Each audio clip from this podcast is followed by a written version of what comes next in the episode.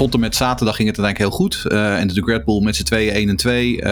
Verstappen gewoon heel duidelijk de pole position. reed vervolgens goed weg.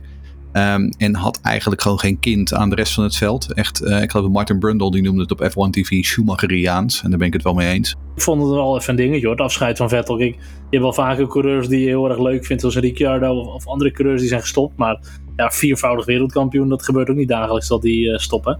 En ik vind het ook wel mooi dat die gewoon echt een waardig afscheid krijgen. En, en, dat zag je bij het team, dat zag je bij Red Bull, de Formule 1 zelf, met alle coureurs ja, ik ben dan wel een beetje een zakker voor dat soort emotionele dingen. Welkom bij Race Reporter, de Formule 1 podcast. Met een nabeschouwing op de seizoensfinale in Abu Dhabi op het circuit van Yas Marina. Er stond opnieuw geen maat voor wereldkampioen Max Verstappen, die een eenvoudige pol en zege pakte. Charles Leclerc versloeg Sergio Perez en werd zo vice wereldkampioen. Verstappen eindigde het seizoen met 145 punten voorsprong. Dat is de op één na grootste voorsprong ooit. Sebastian Vettel blijft recordhouder met een marge van 155 punten op Fernando Alonso in 2013. Verstappen brengt het recordaantal zegens in één seizoen naar 15. Als het gaat om het winpercentage eindigt hij 2022 echter als vijfde ooit met een startwinratio van 68,18. Alberto Ascari blijft afgetekend eerste met maar liefst 75%. Lewis Hamilton's streak van 15 opeenvolgende seizoenen waarin hij minimaal één race wint is afgelopen. Hij deelt nu het record met Michael Schumacher die van 1992 tot en met 2016 jaarlijks minimaal één race wist te winnen. En Esteban Ocon is pas tweede coureur na Jensen Button in 2015 die als teamgenoot meer punten dan Fernando Alonso heeft gehaald. Race Reporter de Formule 1 podcast. Aflevering 140, Race Reporter van Race Reporter seizoen uh, eh, 6. Ik ben Lucas Degen en zit hier vandaag met Charles Alving, Marketing Director, uh, eigenaar van Kart Kings en website van Trackside Legends. Leuk dat je er bent, ja. Charles. Hoe is het ermee? Yo, ja, goed. Druk. Mooi, mooi. Altijd druk. Altijd druk, druk, druk. Goed zo. Jeroen eh, Demmenau is ook weer autosportschrijver. Boek Formule Hopeloos komt in januari uit. Volgend jaar en de nieuwe Volgas is nu uit. Hoe is het met Jeroen? Ja, goed. Charles, laat jij hem even zien aan, eh, voor alle YouTube-kijkers. De nieuwe Volgas. Ja, daar is die. Doen we iets, doen we iets met video ook? Ja, zeker. zeker. Ik kan hem in ieder geval zien en Lucas ook. Dus dat is heel goed. Heel goed, dankjewel. Uh, Maar je hoort het geknisper ook, zeg maar, door de microfoon. Dat is het plasticje eromheen. Ja, mooi hè. Ik hou um, dus als je abonnee bent, dan, eh, dan ligt hij al op je mat. En anders kun je hem gewoon bij alle kiosken vinden. En daar staat ook inderdaad dus een, um, een voorpublicatie uit mijn komende boek in. Leuk. In deze aflevering onder andere het afscheid van Sebastian Vettel, de dominantie van Max Verstappen, het gevecht om plek 2 in het wereldkampioenschap, Ferrari verslaat uh, Mercedes, de laatste race van Ricciardo, Schumacher en Latifi, wie wint het voorspelspelspel en de luisteraarsvraag via Twitter. Dank ervoor, volgend via uh, Twitter. Ga daarvoor naar f1podcast.nl of via Twitter. Race Reporter NL. Ja, en misschien moeten we ook de Instagram even noemen. Met Twitter die natuurlijk bijna offline uh, lijkt te gaan. Klopt, klopt. klopt. man, haal nou toch op. F1podcast.nl. Maar wat is onze Mastodon, Lucas? Ja, ik heb gisteren, eh, gisteren alweer gehoord dat er ook al van Mastodon mensen werden geband. Dus, uh, dus het, is, het is eigenlijk één pot nat. Het weekend van Jasmarina. Uh, uh, op de sterren, de Lucas sterrenrating geeft de luisteraars op Twitter... het merendeel geeft twee sterren. Uh, Charles, hoeveel sterren geef jij deze race? Ja, kijk, veel meer dan dat was hij ook niet echt waard, denk ik. Kijk, wat een beetje nog wat het onderlinge gevecht tussen Perez en Leclerc, dat gaf wel wat extra uh, show, zeg maar. Maar als je het hebt over de hele Grand Prix, ja, veel meer dan twee sterren was hij niet waard. Nee. Jeroen nou? Ja, nee, eens, hetzelfde. Uh, het was in ieder geval een stuk rustiger en comfortabeler kijken dan een jaar geleden. Want toen was ik niet helemaal op mijn gemak, uiteraard. Nee. Maar nu, ja, het was een het was een relatieve snoezer, denk ik. Een relatieve snoezer. Ja, dat was echt een rollercoaster van emoties. Dat was echt absurd gewoon. Dat is echt dat is ongekend gewoon. Dat ga je ook niet meer meemaken als, uh, als onze Hollanders. Nee. nee. Het hoogtepunt was natuurlijk uiteindelijk gewoon het afscheid van uh, Sebastian Vettel. Hè? Dat uh, ontzettend mooi. Um, op de, op de kop af 300 entries. Hij heeft er overigens met 299 gestart. Maar goed, ja. een klein, de, klein detail. Hij houdt op 300 races. En ja, Sebastian Vettel die gaat nu vechten voor de bijen. En voor gelijke rechten en tegen klimaatverandering. en ja, het is ik, wat, ik, wat ik het weekend ook al op Twitter gooide. het is opmerkelijk hoeveel de Formule 1 en Sebastian Vettel allebei veranderd zijn in de afgelopen tien jaar. En allebei in radicaal andere richting. Ehm, dus ik denk ook dat het Ja. goed is voor Sebastian Vettel. Ehm, omdat ja, weet je, deze sport is zijn sport niet meer. Dit, is, dit circus is niet, daar past hij gewoon niet meer in. Nee, dat zag je ook al eigenlijk wel bij zijn eigen team eh, met Aramco als sponsor en dat soort dingen. Het is allemaal nog redelijk netjes gelopen, maar ja, maar ik vond, wel, ik vond het wel even een dingetje hoor, het afscheid van Vettel. Kijk, je hebt wel vaker coureurs die je heel erg leuk vindt, zoals Ricciardo of, of andere coureurs die zijn gestopt, maar ja, viervoudig wereldkampioen, dat gebeurt ook niet dagelijks dat die eh, stoppen. en ik vind het ook wel mooi dat die gewoon echt een waardig afscheid krijgen. En, en dat zag je bij het team, dat zag je bij Red Bull, de Formule 1 zelf, met alle coureurs. Ja, ik ben dan wel een beetje een zakker voor dat soort emotionele dingen.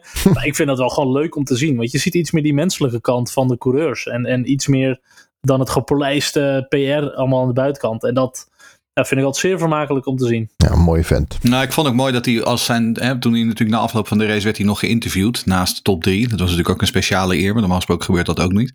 En toen vroegen ze hem inderdaad eigenlijk als laatste van is er nog iets wat je mee wil geven? En dat hij dan toch op dat moment zei, die, hè, toch even weer die, die, wat ik zeg, die, die klimaatverandering message die hij dan uitdraagt. En wat hij zegt, weet je, wij kunnen als coureurs, hoop mensen kijken tegen ons op. Wij kunnen een boodschap uitdragen. Wij kunnen een force for good zijn. Uh, dus eh, ik, ik, ik, ik, ik roep de volgende generatie op om dat voor te zetten. En dat vond ik wel mooi. Dat vond ik heel passend. Ja, en dat, ik denk ook dat dat wel aan. Kijk, een, Lewis die doet het al, Lewis Hamilton. Maar ik denk dat het echt een generatie is, zoals een Leclerc, een Verstappen, een Norris. Nou, daar zag ik ook wel het interviews al van. Uh, die moeten dat op een gegeven moment ook gaan doen. En we hebben het ook wel zo van Max gehad. Hè. Die is natuurlijk echt een, een soort van een op en top racer, maar ook alweer een soort van PR-machine gewoon. Die jongen die, die, die, het is allemaal gemaakt. Zijn social media wordt beheerd, weet je wel. Ik ben wel benieuwd als op een gegeven moment bij Max ook uh, het groter wordt dan de Formule 1 en dan Max zelf, zeg maar. Dat, dat je iets meer zijn mening gaat zien en zijn visie over dingen. Dat lijkt me heel uh, verfrissend. Nou, en het is natuurlijk ook als je bedenkt de Vettel van Red Bull, die vier keer op rij wereldkampioen wordt, hè, met zijn eeuwige vervelende vingertje, wat iedereen ontzettend vervelend vond. Ring, Kijk, ik had, tien jaar, ik had tien jaar geleden niet verwacht dat die Vettel zou ontwikkelen, uh, zich zou ontwikkelen tot, tot de, de mens die die nu is. Um, en dat heb ik inderdaad, dat was natuurlijk met Hamilton toen hij nog met, uh, hoe heet ze, die Nicole Scherzinger uh, in ja. de ronde ging en zo. Toen zag je dat er ook niet helemaal aankomen dat hij zo, dat hij zo'n activist zou worden, zeg maar. Um, dus het zou best kunnen hè, dat, dat dat soort wijsheid en dat soort inzichten en dat soort uh, belangen met de jaren komen. Dat naarmate je ouder wordt, naarmate je natuurlijk hè, in het geval van Vettel een gezin krijgt. Uh, Max Verstappen natuurlijk ook nu met, uh, met Kelly Piquet. Misschien dat ze op een gegeven moment dat er wel een keer een, een, een babytje aankomt, zeg maar. Dat dan, hè, dan wordt hij een vader. Dat, dan die, dat er dan andere dingen ja. mee gaan spelen in zijn hoofd. Dus kijk, dat het er nu nog niet is, dat maakt verder niet uit. Maar over, over 10, 12 jaar, ja, dan ben ik wel benieuwd inderdaad hoe, hoe dat zich ontwikkelt. Nou, hij moet nu gewoon kampioenschappen harken, Max. En dat ja. kon Vettel ook als geen ander. Gewoon klinisch gewoon uh, aaneenrijgen. Maar goed, uh, het is het vier keer kampioen. 53 overwinningen, 57 pole positions. Uiteraard natuurlijk ook voor Vettel de eerste win op Monza. Ja, dat vond ik ook echt gigantisch vet. Mooi, gewoon. Ja, je hebt natuurlijk altijd in Monza heb je gewoon uh, Scuderia, Ferrari en dat is het team. En dat dan eigenlijk het kleine team uh, uit Italië daar won met Vettel. Ja, ik vond het wel heel ja, tof hoor. In de regen, echt geweldig. Ja. Mooi event. Uh, nou, maar goed, verder de, ja. ja. de Grand Prix zelf. Het was niet de meest uh, spannende, enerverende als ik het zo mag zeggen. Wel, wel aardig wat gevechten her en der. Achterin ook nog wel uh, zelfs Mick en Latifi die hadden nog even een onderrondje. Maar ja, voor de laatste Grand Prix. Ja, het is natuurlijk leuker als het nog om het kampioenschap gaat. Maar uiteindelijk is het natuurlijk gewoon nog een verdacht succes. Het is een beetje uitrijden hè. Veel, mensen hoorde ik vorige keer al die zeggen van ja, jammer dat Brazilië niet meer de laatste Grand Prix. Maar uh, goed, het hm. zij zo. Uh, Hans Berendsen heeft een vraag. Hij vraagt, wat is voor jullie het meest uh, memorabele moment uit 2022? Ja, ik vond dat echt, ik zat even zo aan top van mijn mind na te denken. En kijk, ik moet zeggen, dit is denk ik het, het, het Formule 1 seizoen sinds ik Formule 1 kijk, die ik het minst actief heb gevolgd. En dan heb ik het puur gewoon over privé, gezinssituatie, werk, dat soort dingen. Max die vorig jaar kampioen was geweest. Dat was voor mij echt de climax, gewoon het mooiste wat we konden halen. En als ik zo zat na te denken, ik vond hem lastig. Kijk, wat ik persoonlijk heel tof vond, was de invalbeurt van Nick de Vries op Monza. Dat we voor het eerst twee Nederlanders aan de start hadden. Ze hadden ook vanaf plek 7 en 8. Maxi van ietsje, nou die startte niet vooraan. En Nick natuurlijk uh, in de punten.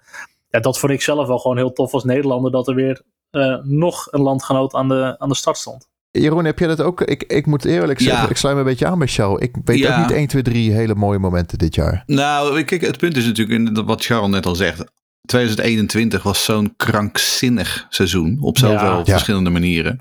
Ehm, het, het is bijna alsof 2022 één grote hangover was na het jaar 2021. Ja. op een bepaalde manier. En het, het, het echoot ook nog een tijdje na natuurlijk. Na alle ophef rond Abu Dhabi. Um, en ja, daarnaast wat, wat Charles ook zegt, hè, de privézaken. Uh, ik bedoel, ik heb uh, eigenlijk het grootste gedeelte van 2022 met mijn knieën ergens in de achterhoede van de jaren 80 en de jaren 90 verkeerd. En dat lag, was toch vooral waarvoor mijn boek, daar, daar lag mijn focus vooral. Dus ja, ik, ik heb alle races wel gezien. Um, kijk, wat, wat natuurlijk gewoon heel goed was, is ten eerste om te zien hoe goed Red Bull was dit jaar. Ik bedoel, dat vond ik wel gewoon indrukwekkend. hoe ongelooflijk goed Max Verstappen was dit jaar. Hé, hey, wacht even. Saudi-Arabië, die heb je niet gezien, toch? Saudi-Arabië heb ik niet gezien, nee. Dus nee, dat okay. is waar. Nee, klopt. Dat is waar. Nee, ik heb ze inderdaad niet allemaal gezien. Ik heb, er op één, ik heb ze op één na gezien. Maar weet je, 2021 was natuurlijk gewoon elke race gevoelsmatig op het scherpst van de snede. Elke race ja. was, elke punt was nodig. En dat voelde het hele seizoen zo. En dit seizoen had Max natuurlijk wel, die begon wat met een achterstand. Uiteindelijk volgens mij vanaf Monaco of zo heeft hij echt weer een mega winstreak uh, doorgemaakt. Um, maar anders, anders dan vorig seizoen. Nou, misschien dat, misschien dat inderdaad. De, de, uh, de zegen van Perez in Monaco. Misschien dat dat mijn hoogtepunt van het jaar is. Ja, die wordt misschien die nog afgenomen. Perez, uh, petje. ja, ik, ik, had, ik had haast, hè, dus ik, uh, ik, ik, ik, had geen tijd om die ja. erbij te halen. Mooie brug naar het weekend van Max Verstappen en Red Bull. Walk in the park. Ja, nou, het was wel echt een weekend van twee gezichten wat dat betreft voor Red Bull. Uh, want zo goed als Sergio Perez in Monaco was, uh, zo uh, matig was het eigenlijk dit weekend toch wel, uiteindelijk. Um, tot en met zaterdag ging het uiteindelijk heel goed. en natuurlijk Red Bull met z'n tweeën 1 en 2. Verstappen gewoon heel duidelijk de pole position. reed vervolgens goed weg. Um, en had eigenlijk gewoon geen kind aan de rest van het veld. Echt, uh, ik geloof dat Martin Brundle die noemde het op F1 TV Schumacheriaans. En daar ben ik het wel mee eens. Um, je had die, die constant gewoon, als het nodig was, kon hij gewoon nog 10% erbij leggen. Maar dat deed hij niet. Ja. Um, en ja, ik moet zeggen dat Perez uh, ten eerste, hij, hij manage zijn banden in die eerste stint al niet lekker. Dus op een gegeven moment begon hij wel opeens heel veel tijd te verliezen op Verstappen. En heel veel tijd te verliezen ook op Leclerc. Um, daarna natuurlijk, toen ging hij naar die hards. Toen moest hij Hamilton snel voorbij. Toen verremde hij zich, waardoor hij vervolgens nog eens een extra anderhalve ronde vast had achter Hamilton. En uiteindelijk, als je dan ziet hoeveel hij tekort komt in de slotfase. Ja, op Leclerc. Ik denk dat ik denk dat, dat funest geweest is. Um, dus uiteindelijk is het zo, Max Verstappen uh, was heer en meester, zoals die als ik vaak geweest is dit seizoen. Uh, Checo Perez kwam weer net wat tekort um, en verloor daardoor uiteindelijk de tweede plek in het WK. Um, nee, nee, dat komt op Max in Brazilië, hè? hè? Even. ja, nee, maar, maar, wat dat betreft, in die zin was het wel een goede illustratie van de verhoudingen, denk ik, binnen, binnen, oh, um, binnen Red Bull. Uh, wat ik een vraag van, van Lizzie, die vraagt waar heeft Checo het laten liggen dit jaar en zijn er betere opties voor de tweede coureur bij Red Bull Racing? Uh, nou ja, om op dit eerste punt terug te komen, ik denk dat uh, Checo het heeft laten liggen vaak in de kwalificatie, want daar liet hij gewoon te vaak te veel tijd liggen. Uh, en ook in de races was hij niet altijd even scherp. Um, maar is er een betere optie voor een tweede coureur? Ja, nou, nee, want hier, daar hebben we het hier voor mij al een aantal keer eerder over gehad. Um, vergeleken met zijn voorgangers Gasly en Albon doet hij het veel en veel beter. Um, Red Bull is natuurlijk gewoon afgetekend constructeurskampioenschap geworden, kampioen geworden, ook dankzij hem. en als je beter wil dan de categorie Perez, ja, dan kom je uit in de categorie Leclerc, uh, Ham, uh, of Leclerc-Russell. Um, mogelijk signs, ja, nee, die zijn op dit moment gewoon niet haalbaar. Um, dus ik denk als puur als, als secondant is het denk ik niet, niet veel beter dan Perez op dit moment. Maar je moet je ook afvragen of je dat moet willen. Want kijk, nou ja, ik heb nu al mensen die beginnen over volgend jaar. Van hoe zijn de verhoudingen tussen Red Bull, Ferrari en Mercedes. Nou, dat weet niemand. Maar stel, ze zijn alle drie op gelijke voet. Uh, Russell en Hamilton die gaan echt wel head-to-head. -head. Zelfs Leclerc en Sainz zijn redelijk vaak nog wel aardig aan elkaar gewaagd. Uh, waar Max echt gewoon een, een wingman eigenlijk heeft. Nou, misschien naar Brazilië niet helemaal meer of niet helemaal meer verdient. Maar hij is wel gewoon echt de eerste coureur. En dat, dat zal hem zeker geen windeieren leggen. Want daardoor krijgt hij wel de meeste punten zeg maar, binnen het team.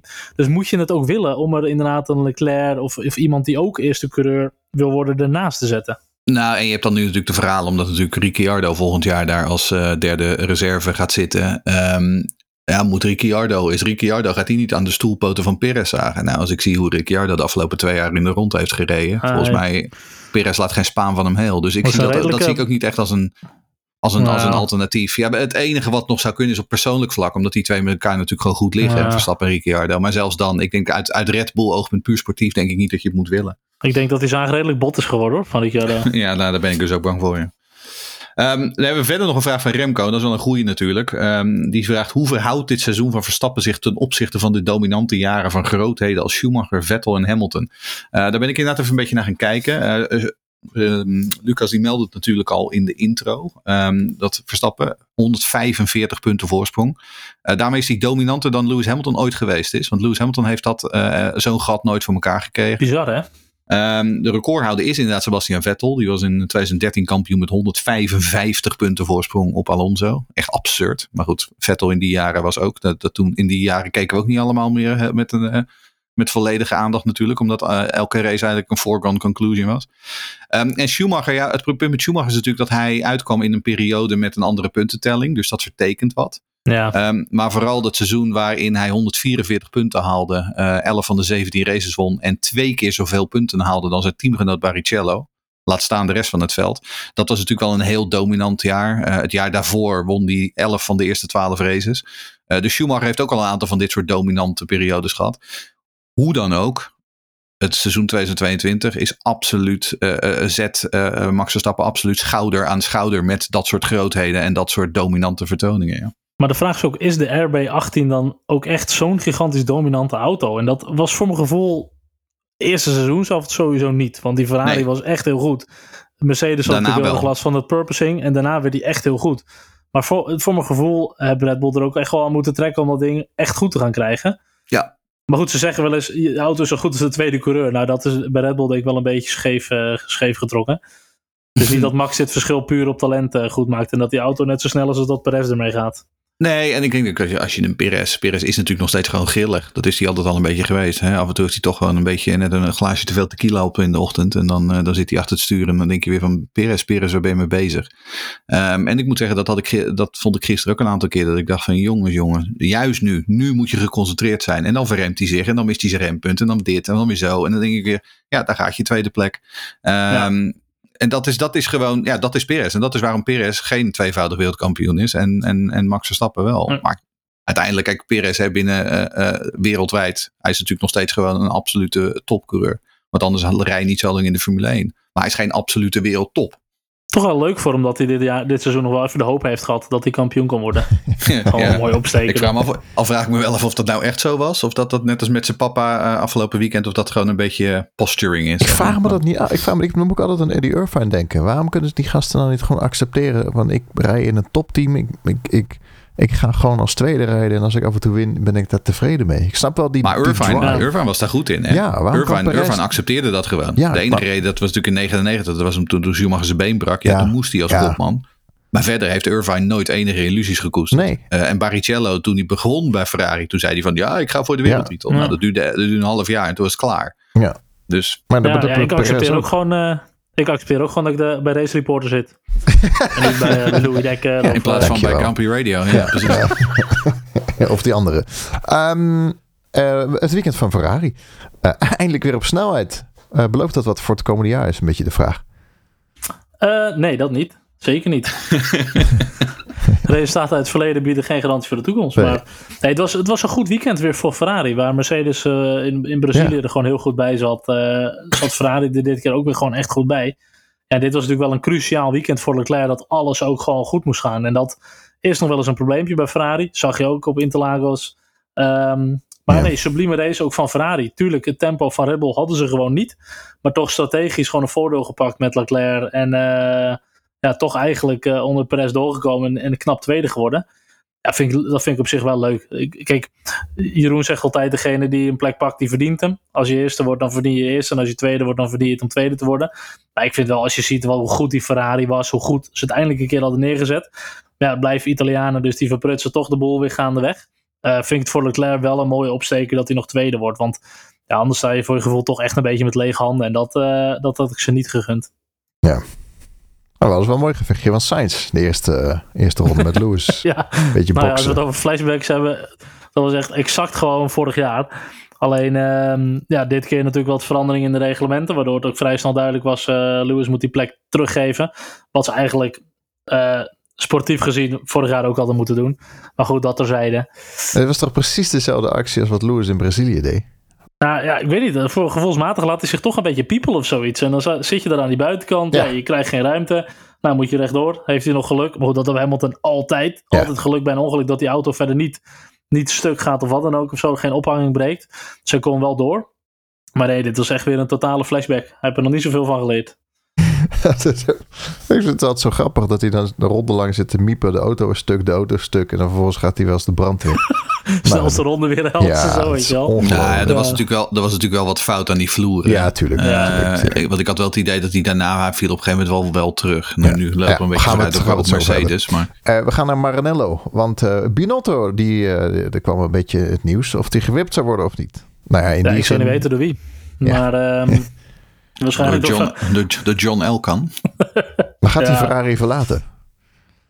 Ja, ik weet het niet. D- dit vind ik altijd een beetje ook het probleem van, van Ferrari en dit soort teams. Voor mij, ik ben totaal geen voorstander of, of fan van voetbal, zeg maar. Maar voor mij heeft Ajax er ook wel zo'n handje van gehad. Dat constant wisselen van, Ja. eh, van de coaches en, en dat soort dingen. Ja, ik geloof wel meer van rust in de toko. En ik vind Binotto totaal geen slechte voor de functie. Ehm, we hebben ook nog een, een, een, een vraag van Alex Nijenhuis. Die zegt ook, gaat de verhuizing van Vasseur naar Ferrari die problemen oplossen? Ja, als dat zo zou zijn, denk ik niet dat dat echt iets gaat oplossen. Tenminste, niet, niet in de slangenkuil die Ferrari nu is. Ik denk dat hij daar toch even te lief voor is. Maar goed, misschien denkt Jeroen daar anders over. Nou, het grappige was natuurlijk dat het verhaal dat Binotto de zak ging krijgen, dat kwam naar buiten voor Abu Dhabi. En vervolgens stuurde Ferrari een, eh, een, persbericht eh, de wereld in van absoluut niet waar. Volledig ongefundeerde geruchten. En toen dacht ik, ja, nou, dat kun je natuurlijk voor Abu Dhabi kun je dat nog zeggen. Want ik bedoel, wie gaat nou zijn teambaas ontslaan voor de laatste race van het seizoen? Dat doe je natuurlijk daarna. Dus Ja. ik zou de komende weken eh, zou ik, eh, eh, de Italiaanse pers even wat beter in de gaten houden. Want ik heb wel een beetje het idee waar rokers is vuur. Eh, en Van Zeur die gaf ook wat interviews dit weekend. Waarbij die zei van, jullie zullen het wel zien. Nou, Ja. dat is ook een beetje een hint. Ehm, dus ik denk eerlijk gezegd dat het nog wel eens goed zou kunnen dat Binotto eh, eh, vertrekt. Gaat het wat oplossen? Nee. Maar goed, ook hier hebben we het natuurlijk gedurende het seizoen een aantal keer over gehad. Ehm, de onderliggende structurele problemen zijn bij Ferrari zijn veel groter dan alleen een poppetje bovenaan Ja. de organisatie. Nee, absoluut. En dan over rook gesproken. Dan zou ik nog het liefst Arie Verbenen zien terugkomen. Dat vond ik dan wel echt gewoon een figuur. Ja. Die op een of andere manier gewoon bij Ferrari past. Er staat gewoon nog even een peukje te roken achter de motorhome. Iemand die toch ook gevoelsmatig een beetje met de botte bijl gewoon een beetje scheid kan hebben. En ik denk dat dat voor Ferrari beter is op de lange termijn. Ik wil gewoon Flavio bij Bri- Briatore bij Ferrari zien. Ja. En dat zou ook wel lachen zijn. Gewoon Nee, we, hebben het er inderdaad vaak over gehad. Het, het, het, goede, het Ferrari met succes was met de Jean Todt en de Schumacher en de Ross Brawn. Het is inderdaad niet één poppetje. Maar ja, ga maar eens tien poppetjes ontslaan. Dat is her en daar ook bij de koffiemachine wel eens een, een interessant praatje. Van zal Max ooit met een heel team richting eh, Ferrari verhuizen? Mocht hij misschien die vier titels ooit binnen hebben. Dat ze dan alle Christian Horner, weet ik het wat, eh, Adrian Newey en zo, eh, gewoon met z'n allen naar Ferrari gaan. Ja, Dat lijkt me dan wel weer een heel grappig, eh, eh, ja, om eens over te fantaseren, een heel leuk scenario. Maar dat is ook de enige manier waarop dat gaat werken. Kijk, want Horner en, en Newey, maar met name Horner, die zitten natuurlijk al sinds Ja. mensenheugenis bij Red Bull. En in de periode Jean Todt. Jean Todt die kwam ook in 92 of 93. Ehm, het ging daar ook niet altijd meteen goed hè, vanaf het begin. nee. Nee, Eh, zeker en, toen niet. moest, en toen moest Schumacher komen, toen kwam Byrne en toen kwam Braun en uiteindelijk Ja. werd het wat. Maar die beginjaren, Ja. 94, 95, was Ferrari natuurlijk ook gewoon een, eh, een laughing stock. Maar goed, eh, Vettel dus is het niet gelukt. Alonso is het niet gelukt. Leclerc Nee. lijkt het ook niet te gaan lukken. Nee. Terwijl eh, ze hebben echt hele goede coureurs in huis. Ja, Maar ja, daar red je het niet alleen mee. Weekend van Mercedes was weer een waardeloos weekend. Nou ja, we hadden het net al over een incident tussen Sainz en Hamilton in de eerste, eerste ronde. Nou ja, relatief waardeloos in die zin. Dat kijk, iedereen dacht vooral na eh, Brazilië dat we Mercedes, nou hebben ze nu hè, het lek boven, zijn ze nu echt, gaan ze meedoen van voren. Eh, ja, en dat bleek gewoon niet het geval. Vooral niet toen de temperaturen naar beneden gingen en toen Ferrari gewoon beter in zijn hum kwam. Ja, toen was McLaren, of Mercedes gewoon afgetekend het derde team. Ehm, dus ja, die W13 die is gewoon heel grillig. Eh, en Lewis Hamilton zei geloof ik ook tijdens een interview gedurende het weekend van... eh, ja, dit, is, dit is niet een auto die ik mee ga nemen in mijn eh, persoonlijke collectie. De- deze mogen ze houden in Brackley. Ehm, ja, en Hamilton zelf, kijk, de- de- wat dat aangeeft is hij worstelt eigenlijk al het hele jaar met deze auto. Het is een auto die moeilijk is ehm, en daardoor... Hij is niet altijd even scherp in de duels. We hebben natuurlijk ook een aantal keer, eh, op een gegeven moment in Spa, dat hij met Alonso in aanvaring kwam. Hij zit vaak in dat middenveld en dan is het allemaal een beetje duwen, een beetje trekken. Ehm, en hij wordt natuurlijk ook gewoon ouder. Dus ik bedoel, het zou best kunnen dat hij wel gewoon een beetje scherpte mist. Ehm, maar ja, hij liet de deur voor Sainz wel heel erg open. Ehm, en ja, vervolgens gaat hij dan net als vorig jaar gaat hij weer rechtdoor. Uh, ja, dat had, dat, dat plekje, dat had hij eigenlijk gewoon direct terug moeten geven. Uh, en uiteindelijk hè, kostte het hem toen niet zo gek veel. Maar ja, Um, het, het, het, was een moeilijke, het was moeilijk. Um, en uiteindelijk ging natuurlijk die, eerst ging de vloer stuk. En daarna ging vervolgens ook, uh, had hij geen, uh, geloof ik, geen hydrauliek meer.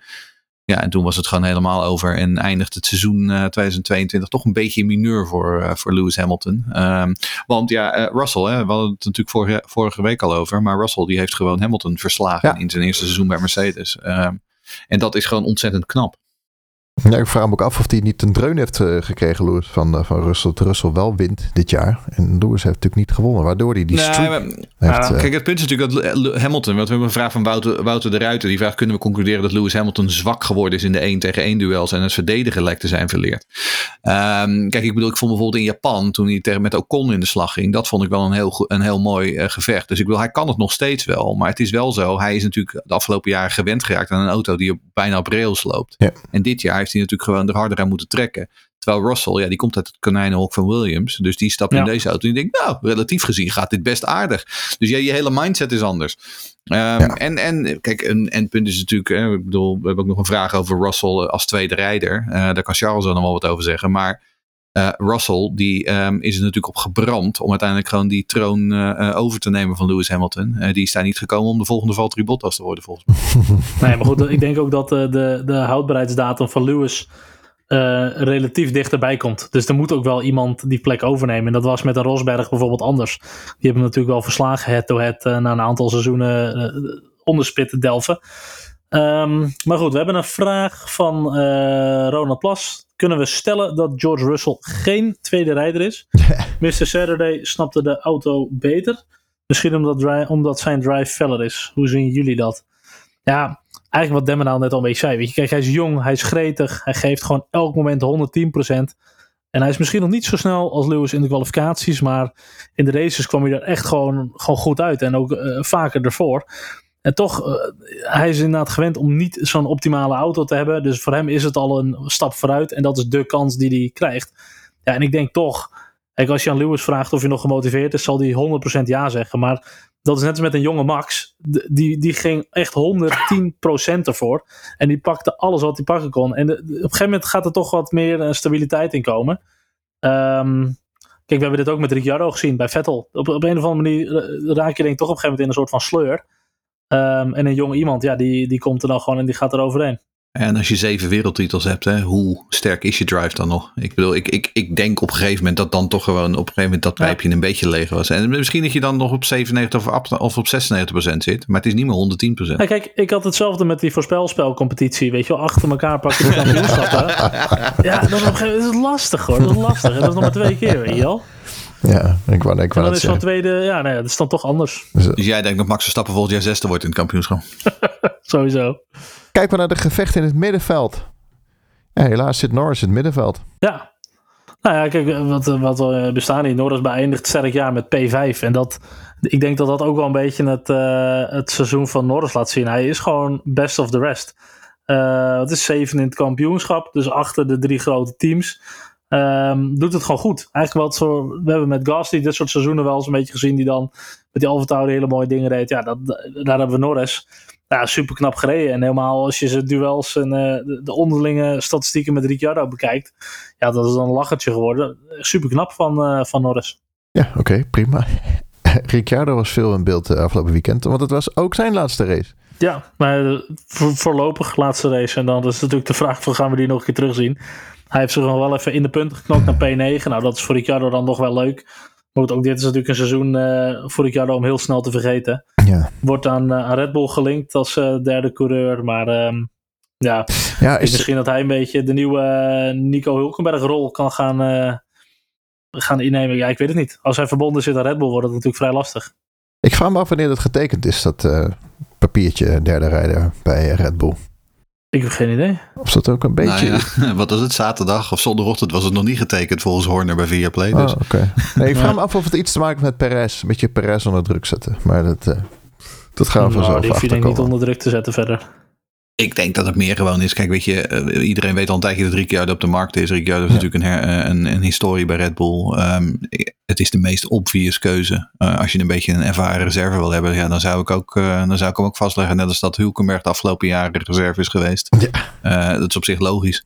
ik, ik, en, en op die manier hou je. En Ricciardo is natuurlijk ook gewoon commercieel ontzettend goed. Hè? Dus ook voor, voor Red Bull hebben we dus voor branding en, en allemaal van dat soort commerciële activiteiten. Hulkenberg.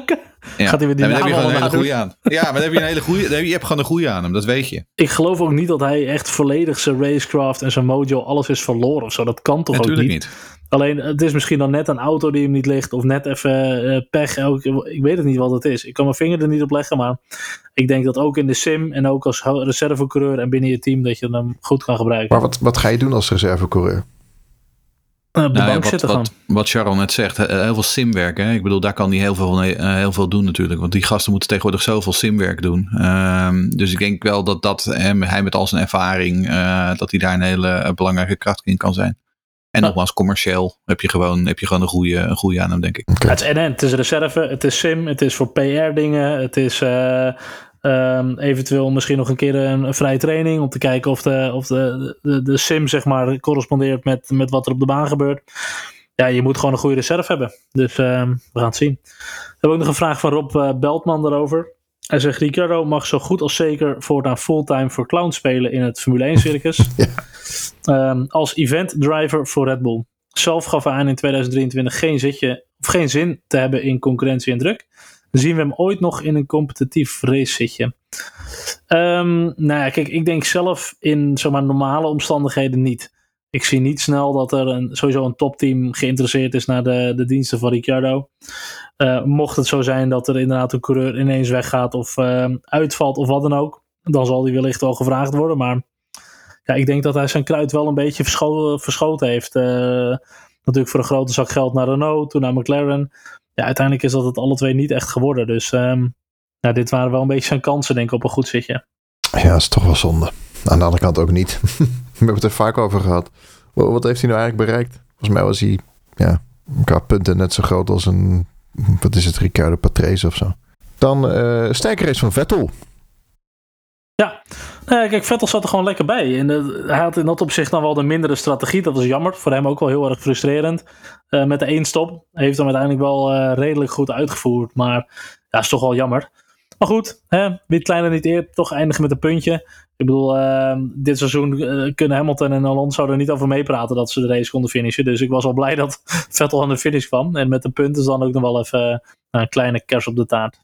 Nou, en ik moet zeggen, we moeten Lance Stroll ook gewoon noemen nu. Want Lance Stroll heeft ook gewoon een sterke race Ja, gereden. Is geloof ik zeven of achtste gefinished. Ehm, en Vettel ging twee plekken achteruit. Ehm eh, Lance ging geloof ik vijf naar voren. Dus ook hier weer geholpen door, door de juiste strategie. Maar dan moet je hem ook nog even uitvoeren. Hè? Zie, Sergio Perez. Ja. Ehm, dus dat heeft hij gewoon goed gedaan. Ehm, ook Lance Stroll eh, verdient een pluim. Mooi. Ja, absoluut. Hoogtepunt van het jaar. Ehm, Mick Schumacher. Eindigt in stijl. Ja, daar ga ik vrij kort over houden. Ik kort over blijven, zeg maar. Eh, dat was, ja, knullig. Ja. Met Latifi weer. eh, en dat zijn natuurlijk alle twee nog niet eh, de beste qua racecraft. Ze hadden een hele mooie synchrone spin. Ja. En daarmee was het ook eigenlijk wel een beetje klaar. En Mick Ja. werd nog even op zijn vingers getikt toen hij aan het einde nog even wat donuts wilde draaien. Ja, het is, het is een, eh, via de achterdeur de Formule 1 een beetje verlaten weer. Dat was ook echt een inschattingsfout van, hè, van heb ik jou daar, hè, van, van Mick Schumacher. Niet te geloven. Eh, en natuurlijk op een gegeven moment zag ik Latifi. Die zag ik al ergens halverwege. Die reed eh 15 seconden achter Pierre Gasly. Stijf laatste. En toen dacht ik, nou, kijk, die gaat ook in stijl het eh, seizoen uit. Eh, zoals we het verwacht hadden. En toen zei er iemand op Twitter. Die zei van het enige wat hij nu nog moet doen is hem achterstevoren in de vangrail zetten. en toen een paar, een paar ronden later stond hij inderdaad achterstevoren met Mick Schumacher. Dus Ja. nou ja, in die Ah, zin ja, hè, is dat allemaal toch eh, mooi, mooi uitgepakt. Ja. Uh, hadden ook een vraag van Pulmo NL. Die zegt: Schumacher was beter dan Zoe en Tsunoda. Zeker relatief in een slechtere auto. Waarom is hij eruit en zij niet? Eh, nou ja, dat heeft natuurlijk eh, deels te maken gewoon met de individuele omstandigheden bij elk team. Ehm, dat weten we, die heeft een hele grote zak met Chinese yen mee bij Alfa Romeo. Dus dat helpt hem. Ehm, daarnaast, dat heb ik voor mij al eerder gezegd, alles wat stuk kon gaan aan die Alfa Romeo dit jaar, dat is stuk gegaan bij aan de auto van Zoe. Ehm, ik moet zeggen, ik vond zijn tempo dit seizoen bij Vlagen best heel aardig. Dus die verdient geval nog wel een tweede jaar. En Tsunoda, ja, kijk, bij, bij, bij Alfa Tauri is het heel simpel. Die hebben niks anders, hè. Want wie ga je anders in die auto zetten? Uh, Jury Vips heeft zichzelf onmogelijk gemaakt. Uh, jongens als Lawson en Hauger en dat soort jongens, die zijn er volgens mij gewoon nog niet helemaal klaar voor. Misschien Lawson wel. Ja. Um, maar ja, Tsunoda heeft natuurlijk ook gewoon nog steeds die Honda-link, uh, wat natuurlijk ook gewoon nog steeds een rol speelt. Ja. Dus daar spelen die commerciële uh, dingen nog een, een rol. En met Schumacher, ja, kijk, het, het, verhaal gaat dat Haas graag een Duitse coureur wilde hebben. Ja, Schumacher die maakt gewoon een flink wat meer stuk dan Hulkenberg. Um, en heeft na twee seizoenen nou niet echt dat je zegt de, de Formule 1 wereld versteld doen staan. Hij heeft al twee seizoenen gereden. Ja, hij was sneller dan Mazepin, maar dat waren ze allemaal ongeveer. Ja. Uh, en hij heeft dit seizoen toch echt gewoon afgetekend verslagen door Kevin Magnussen. Wat uiteindelijk ook een, nou ja, toch een, een, middenmotor in de Formule 1 is. Nee.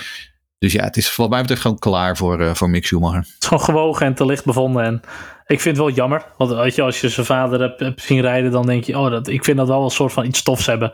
Wat wij natuurlijk ook met, met Jos en Max hebben gehad, was iets andersom. Jos was iets minder succesvol en Max is heel succesvol. Maar goed, je, je, op een of andere manier gun je het zo'n jongen wel. Maar uh, ja, uiteindelijk uh, gewoon te licht bevonden. Het WK Leclerc en Ferrari zijn vice wereldkampioenen. Ja, P2. Uh, dus de grote strijd om P2 is inderdaad beslecht. Uh, nou, we hadden het eerder al over. Leclerc heeft Perez verslagen om P2. 308 om 305. Um, en Ferrari, ja, die, um, die hadden een off-weekend nodig. Of nou, dat had Mercedes, had een off-weekend van Ferrari nodig. En dan moest Mercedes heel goed scoren. En dan kon Mercedes eventueel nog tweede worden. Maar ja, dat is gewoon niet gebeurd. Um, en dus uh, uh, is het inderdaad Ferrari en Leclerc die die P2 binnenhalen. Dat doen ze heel goed. Um, wat verder nog wel interessant is, is dat Sainz met zijn goede race nog over Hamilton heen gesprongen is in het WK. Ja. Waardoor Hamilton als, uh, als zesde eindigt en Sainz als vijfde. Oei, oei. Um, Alpine zagen ook al een beetje aankomen, best of the rest. Ook geholpen door, een, door een, weer een goede race van Esteban Ocon. Esteban Ocon die overigens ook voor uh, Alonso eindigt uiteindelijk in het WK. Dat zal hem ook goed doen. Knap hoor. Um, Aston Martin eindigt gelijk met Alfa Romeo. Um, allebei 55 punten. Uh, dat was natuurlijk die laatste ronde nog. Was het nog gaat Vettel Ricciardo nog inhalen. Want als hij dat doet, dan, had, dan had hij 12 miljoen dollar had dat kunnen schelen voor, voor Aston Martin. Tja. Is wel pijnlijk um, hoor. Maar die, uh, die vijfde plek van Valtteri Bottas en Imola dit jaar, die was goud waard. Uh, want uiteindelijk hmm. daardoor wordt Alfa zesde en uh, Aston Martin zevende. En Haas, achtste. Uh, uiteindelijk vergeleken met hoe ze natuurlijk in voorgaande jaren waren, was dat gewoon keurig. Uh, 37 punten, heel knap. Um, maar wie wel een heel slecht seizoen hebben gehad, dat, zijn al, dat is Alfa Tauri. Oh, ja, um, die hadden vorig jaar iets van 140, 150 punten. Um, en die eindigen nu negende met 35 punten. Ja, dat is gewoon echt niet goed. Uh, dus we mogen hopen voor Nick de Vries dat het volgend jaar uh, een toefje harder gaat. Want Ja. anders dan wordt het een, uh, een lastig jaar voor Nick. Ik weet het niet. Ik heb er niet direct hoop op dat Alfa Tauri een of andere goede comeback gaat maken naar het middenveld of zo. Juist met het doorzetten van die reglementen en zo, denk ik van uh, ze zitten er niet echt lekker bij. Nee, nee, die nieuwe auto van hun is gewoon inderdaad, dat is echt een, een, een zorgenkindje. Ja. Hè. Het vorige jaar was natuurlijk in het laatste jaar met de vorige generatie auto's. Ja, dat, dat, Ja. Die hadden ze echt wel redelijk doorontwikkeld. Daar heeft Gasly natuurlijk nog een wedstrijd mee gewonnen. Uh, maar dit jaar was het gewoon uh, worstelen. We hebben het al eerder over gehad. Heel veel, heel veel remproblemen ook, constant, die, maar, die ze maar Ja. niet op konden lossen. Uh, dus ja, daar hebben ze nog wel wat huiswerk te doen over, uh, over de, de winter. Uh, wel ik nog een vraag van Stef, geloof ik, Shell. Stef die vraagt, eh, voor mijn gevoel heeft Alfa Tauri dit seizoen wel heel slecht gepresteerd. Wat gaat er nu met het team gebeuren? Komt er met de Vries ook een enorme kapitaalinjectie mee? Of heeft het team nu al voldoende middelen om een goede middenmotor te zijn? Nou, in hoeverre ik weet komt er sowieso helemaal geen kapitaal met Nick de Vries mee. Ik mag alleen al hopen dat hij geen kapitaal gaat kosten en die auto gewoon heel houdt. Niet? Snake Maar- International Incorporated. Echt hè? Nee, kijk, het was natuurlijk met name met het overlijden van Dietrich Mateschitz. Van de vraag van wat gaat er gebeuren eigenlijk met het, met het zusterteam van Red Bull. En dat, het was natuurlijk meer bij de gratie van Dieter volgens mij. eh, ja, dat het team eh, er is en er nog steeds is en ook blijft. Ehm, de verwachting is wel dat het gewoon eh, zal blijven. Maar ja, ik weet het niet. Voor mijn gevoel wordt de toekomst wel iets minder zeker daardoor. En weet je, ook als je dan eh, Yuki Tsunoda als coureur hebt op, op een stukje gunfactor naar Honda toe. Nou ja, Nick de Vries, ik ben er persoonlijk heel blij mee dat ik hem echt fulltime in de Formule 1 een keer ga zien. Maar het is ook niet eh, zeg maar, de groeibriljant die je als, als jong team wil hebben. Wat, wat nou ja, Toro Rosso altijd had, zeg maar. Ehm, dus ik ben wel benieuwd. Ik, ik weet het niet helemaal wat er Nou, gaat gebeuren. En de doorstroom stokt al even, hè? want dat is het natuurlijk. Ik bedoel, hè, Gasly, eh, die hebben ze ooit naar Red Bull gepromoveerd en die werd te licht bevonden. Albon werd vervolgens gepromoveerd en Albon was al een plaatshouder, want die, die hadden ze in eerste instantie al een keer af, eh, afgetest. Ehm, en nu, ja, weet je, uiteindelijk zijn ze bij Nick de Vries uitgekomen nadat ze Colton Hurta er niet in konden krijgen. En Colton Hurta was natuurlijk ook geen Red Bull junior. Wat dat vooral vertelt, is dat gewoon de doorstroom niet echt werkt. En de laatste, de laatste die echt gewoon zo aan de dijk heeft gezet, dat is Max Verstappen geweest. Nou, die ging in 2016, die ging in 2016 al door. Maar zelfs dat was eigenlijk een vrij late Red Bull Junior. Die Ja. toen hij in de Formule 3 vrij goed ging, tekenden ze hem. En daarna ging hij al naar de Formule 1. Dus ook dat was eigenlijk gewoon een, eh, ja, een free agent die ze halverwege nog even snel konden oppakken. Maar dit is, dit is het, dit is het Ja. verhaal. Hè? Heeft, die, heeft die Academy echt gewerkt bij Red Bull? Nou, je kunt zeggen ja, want dat heeft namelijk twee eh eh meervoudig wereldkampioen afgeleverd. In Vettel en, en, en Verstappen. Aan de andere kant, ze hebben ook wel heel veel coureurs eh, verbruikt door de jaren heen. Die uiteindelijk gewoon allemaal ehm, niet goed genoeg bleken. Maar sowieso academies. Ik bedoel, Ferrari Driver Academy heeft ook Ja. een sloot aan rijders erheen. Eh Alpine kan erover meepraten. Het is heel leuk als je een academy hebt met een talent. Maar als je hem dan laat gaan... Die vervolgens, naar de, die vervolgens naar de concurrent gaat. Ja. Nou ja, maar dat is Dus- het probleem inderdaad. Hmm. ja. Nou, we hebben nog, ook nog een vraag van Harry van der Mortel. En die vraagt, eh voor mij ons allemaal. eh, wie of wat vinden jullie een positieve verrassing? En wie of wat een absolute tegenvaller dit jaar? Ehm, nou, als ik zeg tegenvaller, nou ja, dan kom ik toch wel gewoon bij Tauri uit. Eh, daar had ik echt wel meer van verwacht. Eh, dat is gewoon, gewoon niet goed. Ehm, en positieve verrassing, ja, ik denk toch dat ik George Russell ga eh, nomineren. Ik denk toch dat George Russell uiteindelijk gewoon een uitstekend seizoen heeft gereden voor zijn doen. Ehm, want ik bedoel, ga er maar aan staan. Zevenvoudig wereldkampioen als teamgenoot. En dan als jong broekie moet je je daar tegen zien te weren. En hij heeft hem gewoon verslagen. Dus wat mij betreft, dat zijn mijn nominaties. Ja, ik zit even te kijken. Positieve verrassing. Ik vind op zich... Ocon, vind ik dat hij het heel goed heeft gedaan tegen Alonso. Want ik, ik kijk, Jeroen Scholz is altijd een mega fan van, eh, van Ocon. Ook voorzitter van de Ocon fanclub. Ja. Waar is Ehm, hij eigenlijk, die Scholten? Ik heb geen idee. Ik heb geen idee. Ik ken geen Voor Jeroen voetbal, voetbalpotje of zo hoorde ik iets over. Maar... Ja, nou, nee. Maar ik vind het heel knap van Ocon. Maar ik vind ook een Bottas in de, in de Alfa Romeo. Ja. ook echt gewoon al een sterk seizoen gedraaid. Al iets betere, iets betere eerste, eerste seizoen zelf, maar toch. Ehm, ja, en qua tegenvallers, eigenlijk zijn dat wel een beetje de usual suspects voor mijn gevoel. De Latifi's en de, de, de Tsunoda en de Mick en dat soort dingen. Lance Stroll. Ja, Pierre Gasly viel gewoon tegen. Maar goed, de auto die eh, hielp niet echt mee dit seizoen. En daar was er ook wel een beetje klaar mee aan het einde van het seizoen. Met die remproblemen. En eh, ja, de koek is gewoon op op een gegeven moment. En jij, Lucas? Ja, ik, ik, vond, eh, ik sluit me er wel bij. Russell viel me heel erg mee. Lewis viel tegen. eh, Daniel Ricciardo vond ik echt enorm tegenvallen. Eh, ja, en Alfa Tauri, dat is echt eh, inderdaad een zorgenkindje, inderdaad. Ja. Ehm, nou, en Magnussen, laten we die ook niet vergeten. Die is me ook wel enorm eh, meegevallen. Heeft het goed K-Mac. gedaan. K-Mac, inderdaad. Alright, eh, er is nog een mooi lijstje. Gaan we die nog doornemen? Kwalificatie? Nee, nee, ga jij maar lekker. We gaan naar jouw, eh, jouw coronatie nu, toch? Ja, Nee. jouw ik Ik had eh, begrepen... Ik moet al gaan, eh eigenlijk jongens. Maar ga je, ik heb nog vijf minuten. Ik heb begrepen op de wandelgangen dat ik eh, de, de kampioen ben voor spelspelspel. Maar we weten het niet officieel, want we hebben de, de uitslag nog niet binnen. Maar eh, Ja, we gaan wel voor je klappen. Er gaan twee Eh, mannen zijn zijn de- eh, ja, en een dode kip zitten- nu voor je klappen. We wachten nog op de rayonhoofden. Ja. om, de- om bij elkaar te komen. ja, Dat is bij de Elfsteden, toch? dus eh, nee, maar De wedstrijdleiding is nog aan het vergaderen. het was Maar, een, Ja, precies, ja. spannend, spannend voorspeljaar. Maar we laten het met, met het, het jaaroverzicht eh, even. Dan ja, heeft nou, Jeroen ik, wil je wel al feliciteren, Lucas. Je Dankjewel, hebt gewoon dankjewel, gewonnen. dankjewel. Ik ben heel blij, en ik ben heel blij met mijn vierde plaats. Da- dank u, dank u, dank u.